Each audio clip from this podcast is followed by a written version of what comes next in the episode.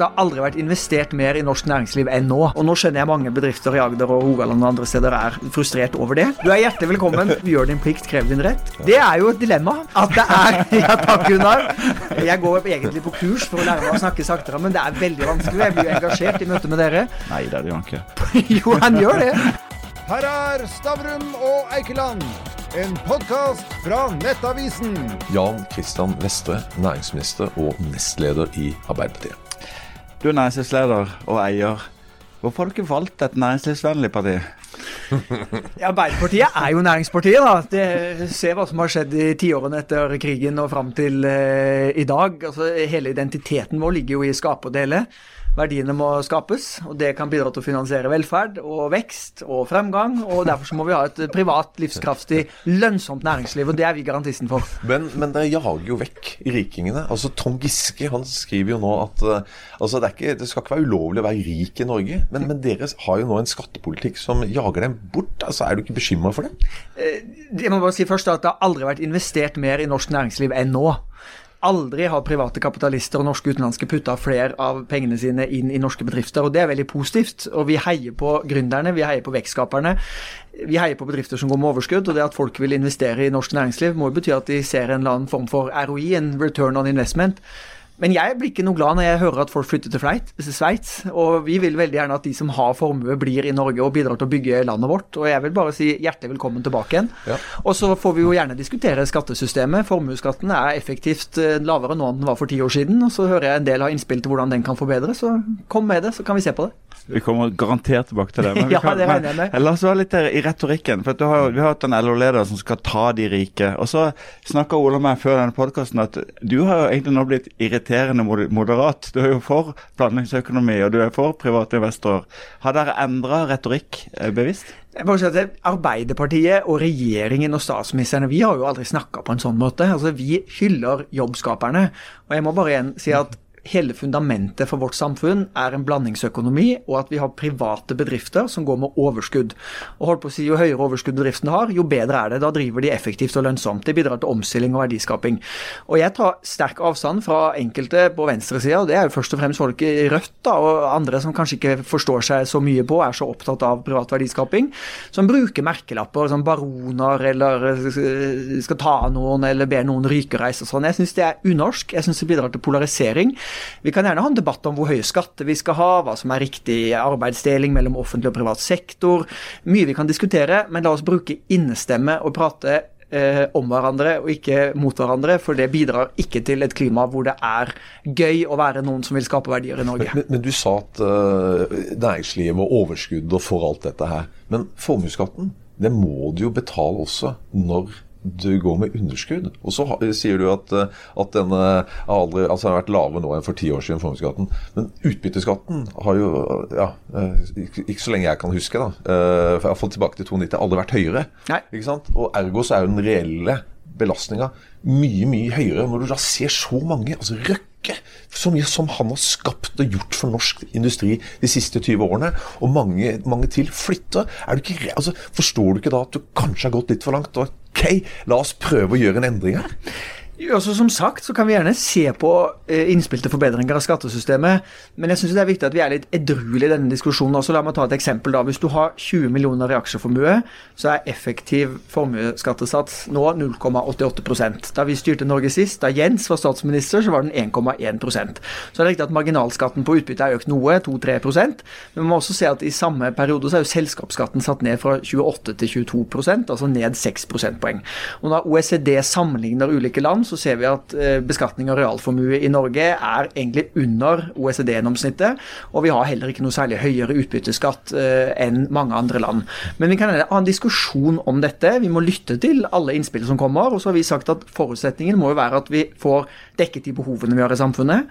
Vi må gjøre skattesystemet rettferdig, sånn at det også bidrar til omfordeling. Og så skal det selvfølgelig bygge opp under norsk verdiskaping, norske investeringer, og at vi får verdiskaping i samfunnet vårt. Men det er alle skatter og avgifter vil ha en eller annen negativ effekt, og det må vi ikke lukke øynene for, for da blir det umulig, tror jeg, for enhver regjering, om den er rød eller blå, å styre Norge. Men vi, altså, eh, Motparten vil si at okay, verdsettelsesreglene eksempel har forandret seg. Men Vi skal ikke gå inn i det tekniske, men vi skal gå inn i, det, i, i, i retorikken og oppfattelsen av Arbeiderpartiet. Er du enig med de som mener at, at eh, en slags følelse av at Arbeiderpartiet har vært mindre næringslivsvennlig, har bidratt til der dere er på gallupen i dag?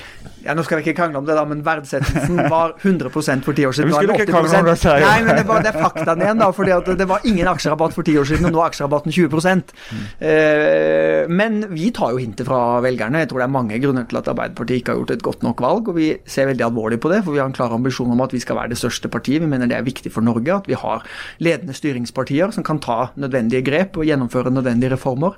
Og en av de tingene vi er opptatt av, er selvfølgelig at vi har høy troverdighet på verdiskapingspolitikken. Vi ser at vi har ganske høy troverdighet på det å skape nye jobber. Og så er det også viktig å kommunisere at vi er til for det eksisterende eh, næringslivet og alle de små og mellomstore bedriftene som hver dag går på jobb for å skape verdier og inntekter til eh, landet vårt. De heier vi på, og vi vil gjerne føre en aktiv politikk for at de skal lykkes bedre i Norge.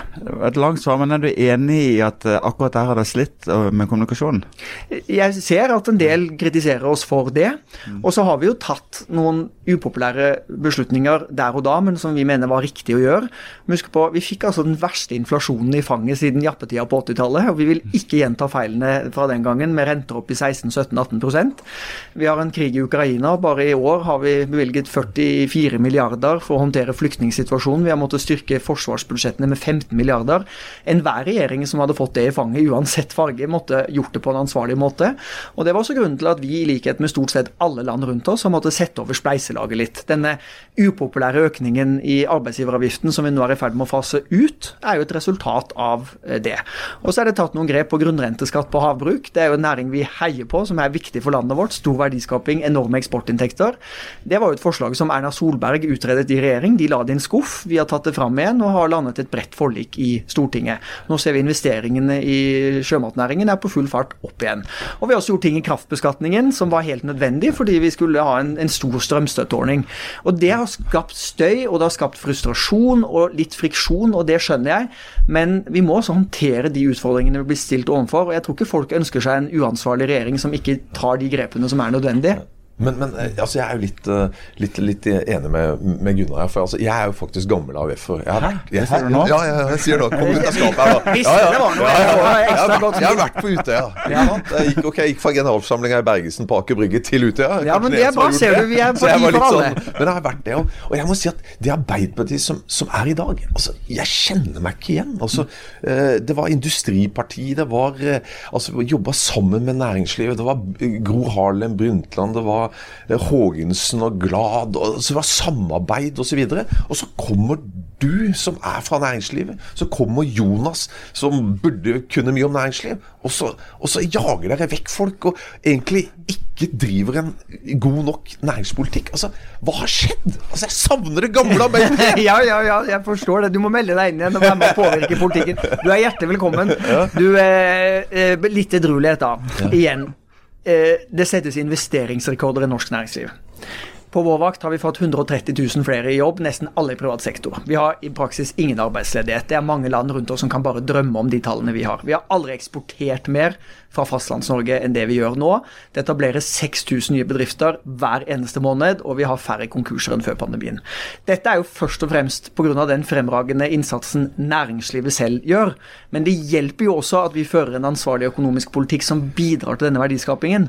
Det er det veldig viktig for oss å hegne om. altså Trygg økonomisk styring, få kontroll på inflasjonen, ha stabile rammebetingelser som gjør at investorer vil investere i Norge.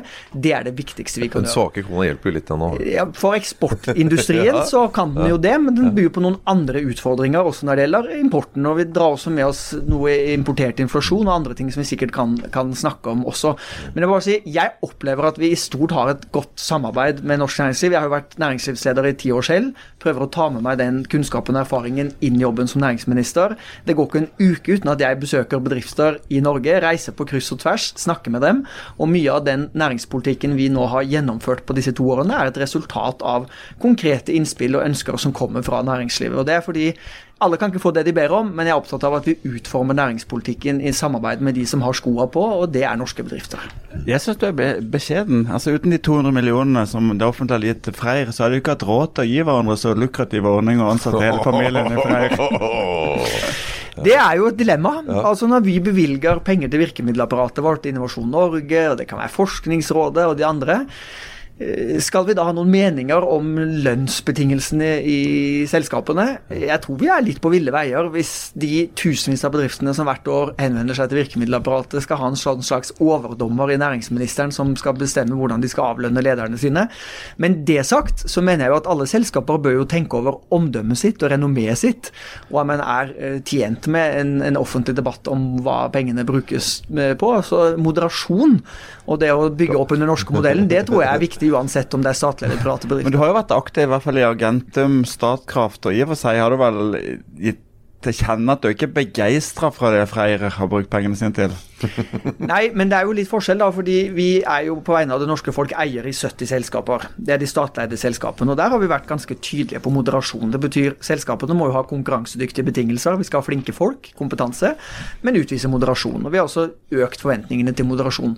Men det er jo selskaper som da staten helt eller delvis eier. Det er noe helt annet hvis staten skulle ha meninger om hvordan 500 000 ulike selskaper i hele landet skal uh, ha lønnsbetingelser for sine ansatte. Det mener jeg i stort må være opp til, eh, opp til næringslivet selv. Ja, Men, men dere har jo helt sikkert indikert eh, bl.a. overfor Folketrygdfondet at hvordan de skal dere, altså deres holdning til høye lønninger i, i det private, altså de selskapene de eier, har de ikke ja. det? Jo, men der er vi eier igjen, da. Ja, ja, ja, men så sitter da tidligere Folketrygdfondsjefen i styret til Freyr og casher inn 5-6 millioner bare på å gjøre egentlig veldig lite. Hva, er det sånn liv og lære Altså, hva, hva, går galt? Det syns jeg du skal spørre de selskapene om som har de bonusordningene og har de styreordningene. Det er altså ikke noe selskap som, eh, som, eh, som vi er eier i, så det må noen andre uttale seg om. Jeg kan svare for de selskapene vi forvalter eierskap i, og det er de statlige eide. Men til litt eh, et, et, et, et, alvorlig og større tema, nemlig en type grønn næringsutvikling i Norge. Ja. og der lurer jeg på mange ting. Men så vidt jeg skjønner, så er dere rede til å bruke omtrent 60 milliarder kroner til å bidra til, til, til å lage en ny lønnsom grønn næring i Norge, er det riktig? Ja, vi har sagt at det er indikert et behov fra virkemiddelapparatet på risikoavlastning i den størrelsesorden. Mm. Men det kan være mer, det kan være mindre. Og så har jeg hele tiden sagt, jeg tror på inn- og utpust etter jeg ble næringsminister Inn og utpust stemmer. At det er Ja, takk, Gunnar. Jeg går egentlig på kurs for å lære meg å snakke saktere, men det er veldig vanskelig. Jeg blir jo engasjert i møte med dere. You failed. ja, jeg har pengene tilbake. Jeg har veldig dårlig kurs, uh, uten å nevne hvor det kurset har vært hen. Men, men, poenget er dette, da, for det er, viktig, det er et viktig spørsmål. Jeg er glad du spør om det. Jeg tror mange mange hjemme sitter og lurer på dette. Mm. Jeg har vært veldig tydelig på punkt én det er privat kapital som skal finansiere næringsutviklingen. Mm. Det må være spesielle grunner hvis staten skal bidra til å redusere risiko. Punkt to, Norge deltar ikke i noe subsidiekappløp. Det var jo Arbeiderpartiet på 70-tallet som begynte å avskaffe produksjonssubsidiene, fordi vi fant ut at de gir ikke varige, lønnsomme arbeidsplasser eller høy verdiskaping å subsidiere produksjon. Det amerikanerne gjør nå, er å gå inn med store skattekreditter, eller egentlig produksjonssubsidier. Det har jeg sagt ikke aktuelt i Norge. Men i nye næringer der det er veldig høy teknologirisiko, der vi har det som på fagspråket heter markedsinperfeksjoner, altså at det er stor kontrast mellom samfunnsøkonomisk lønnsomhet og bedriftsøkonomisk lønnsomhet, mm. så kan vi være med å prøve å korrigere for noe av det. Men vi skal gjøre det på en smart måte. og Derfor er jo mesteparten av de virkemidlene vi stiller opp med, markedsmessige låneordninger, garantiordninger. Vi kan være med som medieinvestor, men da har vi jo like høye avkastningskrav som det en privat investor ville hatt. Mm. Og tilskudd skal først og fremst brukes til banebrytende teknologiutvikling, ikke til produksjonssubsidier. Det er den norske måten å gjøre dette på. Det er skattepengene vi forvalter, og jeg er opptatt av å passe på hver en krone så godt vi kan. Dette er bra, bra, bra Tone. Jeg liker det der med ikke så på, på et subsidiekappløp. Men jeg har lyst til å spørre deg om bare denne ideen om at Norge skal ha store batterifabrikker. Altså Jeg forstår at hvis du vil ha en grønn omstilling, så, så er batteriteknologi og batteriproduksjon viktig. Men det, hvilke forutsetninger har Norge for å delta i, et, i en konkurranse hvor Panasonic har holdt på i 40 ja. år? Det er bra spørsmål. Altså Punkt én. Dette er jo en etterspørselsdrevet industri. EU eh, e anslår at behovet for batterier, eller etterspørselen for batterier i Europa kommer til å 20-doble seg de neste syv årene. og Det betyr det skal bygges gigafabrikker i Europa, i USA, Østen, mange steder. Og så er det jo EU selv som peker på Norge og Norden som et av de få områdene i Europa som har spesielt gode forutsetninger. Og Det er fordi vi har tilgang på kraft, vi har arealer. Har vi, ja, vi har fortsatt eh, ganske gode kraftoverskudd, og vi skal bygge ut mer kraft. Og så handler det også om at batteriindustri i stort er jo kjemi- og prosessindustri. altså avansert kjemisk industri i disse batteriene. Og det har vi jo drevet med i Norge i 100 år. Og så har vi et veldig omstillingsdyktig og høyproduktiv industri. Bl.a. fordi den har måttet konkurrert på effektivitet, ikke på lave lønninger og høye subsidier. I sum tror jeg en del investorer tenker at derfor har Norge forutsetninger. Og De siste to årene har jo private investorer investert 17-18 milliarder av sine egne penger i om lag 15 batteriprosjekter i Norge. Hvorvidt de lykkes, om alle lykkes, om noen lykkes, hvem som lykkes, det kan verken du eller jeg spå om. Det tenker jeg privatkapital er bedre til å vurdere enn det vi er. Og vi har ikke sagt at vi skal bygge batterifabrikker i Norge for enhver pris, men vi har sagt vi vil legge til rette for at lønnsomme industrietableringer kan skje. De må være finansiert av privat kapital, og så kan vi være med å legge til rette. Og så får vi se om to, tre, fire, fem år hvor mange av disse prosjektene som faktisk blir realisert. Du skal få overta, men jeg skjønner ikke en bit resonnementet ditt som går på det at hvis, hvis dette nå er så stor etterspørsel, og vi har så naturlige forutsetninger, og det er en lønnsom industri, hva skal vi med staten oppi suppa da? Nei, du har jo et poeng at i utgangspunktet så vil jo eh, private investorer eh, bidra med kapital til ellers lønnsomme prosjekter. Men da er vi litt sånn tilbake til kjernen at det grønne skiftet som vi alle skal gjennom, det byr på veldig høy eh, teknologirisiko det er vanskelig å være den første, fordi at kostnaden med alt nytt er stor i starten, og så får du jo stordriftsfordelene og skalafordelene etter hvert. Det ser vi jo på all ny teknologi. Og de private bedriftene som går først, får ikke alltid alle oppsidene, fordi dette er teknologi som blir tilgjengeliggjort, og da også andre kan kapitalisere på. Det kan være en sånn type eh, markedssvikt. Og Det er derfor vi må se på hvordan kan vi korrigere noen av disse markedsimperfeksjonene. Hadde det f.eks. å slippe ut klimagasser og ødelegge natur hatt en en riktig samfunnsøkonomisk prising, så ville det vært mer bedriftsøkonomisk lønnsomt å gjøre investeringer i ny grønn teknologi. Men det er altså ingen land som har hatt vilje til å øke CO2-avgiftene så mye, for det ville bidra til karbonlekkasje gjennom at ellers lønnsom industri flagger ut til land som kanskje ikke har noen utslippskrav. Det vil ikke hjelpe på de globale utslippene. Så vi er liksom i et krevende landskap. Det er vanskelig å navigere i, men jeg tror bare det at vi må erkjenne at omstilling kommer til å koste. Vi kommer til å gjøre noen feilinvesteringer. Det kommer til å bli krevende. Men det å holde seg for øynene og ørene og liksom håpe at bare liksom dette går over, eller at Europa, som er vår største marked for gassen, tar feil når de sier at de skal avkarbonisere hele energimarkedet sitt i 2050. For et land som Norge, som er så eksponert for olje og gass, vi har 200 000 ekstremt lønnsomme arbeidsplasser der, det er også risikosport. Så det er veldig lett nå å sitte liksom og hovere over de som ikke får det til, og ha mange motforestillinger. Og ja, vi må ha en solid dose kritiske spørsmål, men det er ikke et alternativ ikke gjør noen ting. Da kommer Norge til å tape denne omstillingen, og det vil gå utover arbeidsplasser i Norge på sikt. Altså, dette er jo som å høre Gerhardsen og Brundtland. Så nå, nå, nå, er det litt, er vi litt tilbake Dette er god, gammel industri i Arbeiderpartiet. Jeg, jeg driver nå en vervekampanje her. Jeg tror det blir litt mer krevende med Gunnar, som er også en klok mann. Men uh, vi må ha høyt ambisjonsnivå. Ja, men, okay. men, men uh, bare en ting før vi skal gå over til litt uh, norske kroner og, og olje og gass og, og sånn. Bare når du har IRA, altså USA som har veldig vanvittige ordninger for å etablere grønn industri.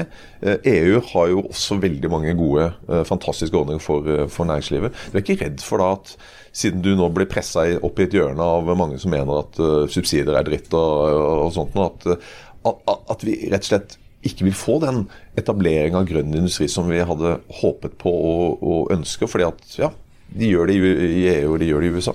Ja, men Det er jo en risiko, men det kan jo ikke være basert Vi kan ikke ha et næringsliv som er basert på at de som roper høyest om å få statsstøtte, får så mye statsstøtte de vil. Det er jo du og jeg og alle skattebetalerne som skal finansiere dette. Altså, Jeg tror på blandingsøkonomi. Jeg tror på privat kapital. Mm. Jeg mener at staten kan være med å legge til rette for at verdiskapende industriinvesteringer og alle andre investeringer i næringslivet skjer.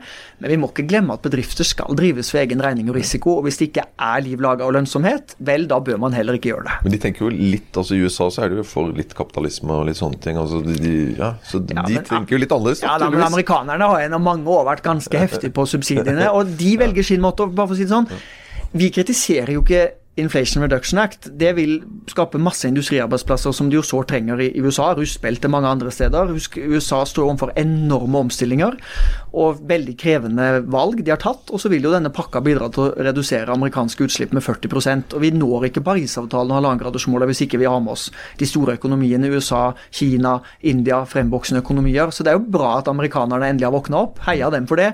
Men det er ikke aktuelt å gjøre den politikken i Norge. Vi har en annen modell som vi mener mener i større grad fremmer verdiskaping og lønnsomme industriinvesteringer. Det er veldig rart å sitte her og se en som egentlig tinte opp fra makta, altså agendaen makta, så en annen i Arbeiderpartiet som jo burde vært venstremann. du vet hva, jeg, er, jeg vet ikke, men jeg, jeg, er altså sosialdemokrat i mitt hjerte og kommer til å være det alltid. For jeg tror på et samfunn der vi løser oppgavene bedre sammen enn hver for oss. Der vi eh, yter etter evne og får etter behov, gjør din plikt, krev din rett. Men der vi også har et pragmatisk syn på hvordan reformerer vi samfunnet. Vi trenger offentlig og privat eh, kapital. Vi trenger hele landet med. Eh, vi må ha alle med oss på å bygge vårt samfunn, og et samfunn med små forskjeller, høy tillit, det er et samfunn som også er bra for næringslivet. Jeg, jeg, jeg hører Venstre her, men, eh, men eh, litt, litt, videre i, i, i, dette, den, i, dette, grønne skiftet. For nå har jo på en måte også med, I går var det jo fristen for å melde seg på til, sønd, til Søndre Sørlig Nordsjø 2. 22 ja. Og så ser vi på en måte at det er mange konsorter etter hvert som ikke klarer å regne det hjem. Vi ser at uh, utbygging av, av, vindkraft på land uh, kommer til å slite med, med, å få lov til å gjøre det. Mm. Uh, og vi ser at batteri, de store batteriprosjektene kanskje også sliter. Sånn. Du er ikke redd for at, ikke, at, vi ikke får til den kraftproduksjonen som vi så sårt trenger? da? Ja, også et veldig bra spørsmål, og det er et stort spørsmål. Altså Punkt én, la oss bare være enige om at vi må bygge ut mer fornybar energi. Jeg tror Hvis vi sier nå nei til alle nye kraftprosjekter, så lurer vi oss selv. Helt enig. Og er det noe det norske folk er veldig opptatt av, og bedriftene, så er det jo at vi ikke skal få høye strømpriser. Mm. Vel, den tryggeste måten å gjøre det på, er at vi får vedvarende høye kraftoverskudd. Tilbud og etterspørsel. Har vi høy kraftbalanse, presser det prisene ned. Det er bra for folk i Norge. Så er det kontroversielt med vind på land. Og vi har jo sagt at her må vi høre på lokaldemokratiet. Det betyr at lokalsamfunn som ikke ønsker vindkraft på land, skal ikke få det. Men vi må også ha respekt for at noen lokalsamfunn i Norge vil ha vindkraft, også fordi at de nå får en mye større del av dette overskuddet tilbake til seg de må også få lov til det. Så her er det et potensial. Og så har vi jo sju ganger større havområder enn landområder. Det blåser i Nordsjøen. Det er litt sånn ute av syne, ikke noe problem, men det er noen utfordringer der òg. Vi har fiskeriinteresser, vi har økosystemene under vann. Det er mye vi skal hensynta også i Nordsjøen og oppover langs kysten til nord, men det er et enormt potensial for havvind. Og så har vi jo på 20 år bygget 13 flytende havvindturbiner. De er veldig tunge, de er ikke spesielt avanserte, de er mer eller mindre håndlaget. Og det er først når vi øker antallet stort at vi får skalaeffektene. Da vil prisene rase, og lønnsomheten i prosjektene vil gå opp. Og Da har staten sagt at i den overgangsfasen, når vi nå står på egentlig liksom skal ta sats inn i det som kan bli en ny, stor, viktig næring og gi oss vedvarende stabilt høye kraftoverskudd, så må vi bidra lite grann. Og så har du helt rett i at nå har lønnsomheten i noen av disse prosjektene falt, men det er jo også fordi vi opplever en inflasjon i hele verden. Jeg tenker tilbake, jeg tror det var desember 2022. Da sa Equinor at de ikke ville gå videre med Wisting-feltet i Barentshavet. Det er jo et konvensjonelt oljeprosjekt som egentlig burde vært veldig lønnsomt. Og hva begrunnet Equinor de? Jo, usikkerhet i kapasiteten i leverandørmarkedet, høy økning i stålpriser, andre priser, som gjorde at de ikke kunne regne det hjem og gå videre med prosjektet. Da er det et omdiskutert prosjekt, vi vet ikke om det hadde blitt noe av, men Equinor utsatte i hvert fall et oljeprosjekt pga. inflasjon i verden. Da er det jo litt naivt å tro at ikke den samme inflasjonen også påvirker fornybarnæringene. En flytende havvindturbin består av masse stål, den veier 500 tonn. Og stålprisen har altså økt enormt de siste årene. Det gjør også at det blir krevende lønnsomhet i de prosjektene. Så vi må holde på å si, huet kaldt og hjertet varmt, men også ha litt is i magen i at det blir lønnsomhet i disse prosjektene. Men nå er det utfordringer, og de må vi håndtere. Men jeg tror Keynes var vel en gang som sa det at in the long run we're all dead. Og jeg kommer fra, fra Sørlandet, hvor folk har betalt fem ganger mer for strømmen de siste, siste månedene enn resten av landet. Og, og, der spør man seg virkelig når kommer denne strømmen, og når får vi en rettferdig strømregning i Norge, sånn at det ikke blir konkurransevridning på, ja. i, i bedriftene? Hva svarer du til de? Punkt én, flytende havvind håper vi skal være i gang før 2030. Og det er veldig viktig, så olje- og energiministeren gjør det han kan for å fremskynde prosessene. Nei, det gjør han ikke. jo, han gjør det. Punkt to, de siste ukene har det vært ganske store forskjeller mellom NO1, som er Østlandet, og NO2, som er Sør- og Vestlandet. Mm. Men over tid har den forskjellen vært marginal. Og nå skjønner jeg mange bedrifter i Agder og Rogaland og andre steder er øh, frustrert over det det beste vi kan gjøre, er jo at vi får bedre flyt i vårt eget kraftnett, altså mellom de ulike kraftregionene. Og så har jo denne regjeringen satt full stans på nye utenlandskabler, og det er fordi at med mer utenlandskabler så vil vi få mer prissmitte fra Europa. Og med mindre vi har store kraftoverskudd hjemme, så vil da den effekten kunne være at vi får en høyere strømpris i Norge enn vi ellers ville ha hatt. Nå nærmer vi oss slutten, uh, for å si det sånn. Uh, vi må innom uh, kronekursen. Mm. den svake kronekursen. altså, skyldes ikke den politikernes vanvittig beslutning om at eh, ok, skal vi kutte olja i løpet av 15-20 år? At det er det inntrykket utenlandske investorer sitter med? Har ikke det skyld i dette? Nei, og det har vi jo heller aldri besluttet. Altså, Vi kommer til å drive med olje og gass. Det er etterspørsel etter olje og gass, men det skal over på fornybart. Altså, når du spør økonomene, og det er mange av de som uttaler seg, så er det tre hovedgrunner til at krona har svekket seg så mye. Dette begynte jo med oljeprisfallet tilbake i 2014-2015. Da fikk vi et sjokk i oljeprisen, og vi har aldri helt kommet oss tilbake igjen. Det er punkt én. Så har jo oljeprisen steget litt som følge av krigen i Ukraina, men markedet tror ikke at vi kommer tilbake til all time high oljepris. Da søker en mer til andre valutaer.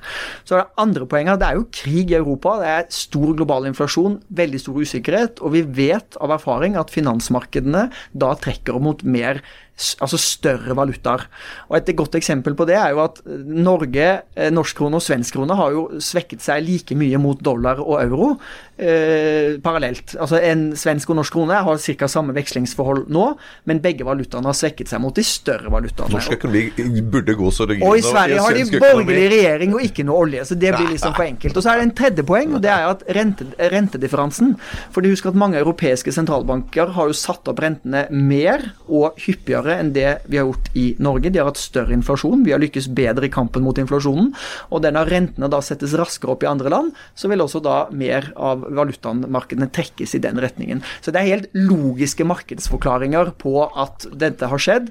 De som skylder på regjeringen, det må de gjerne gjøre for de har en politisk agenda, men de finner ikke så mye hold blant økonomene. Men du, et siste spørsmål. Um, hender det at du, at du holder munn og bare sitter stille og tenker deg om? Ja. Jeg gjør det. Men, men, men, jeg, men jeg liker å snakke med folk og sammen med folk. Det er fint. Det er noe av det gøyeste som politiker, det er å få møte folk. Du fikk Stavrum og Eikeland, en podkast fra Nettavisen.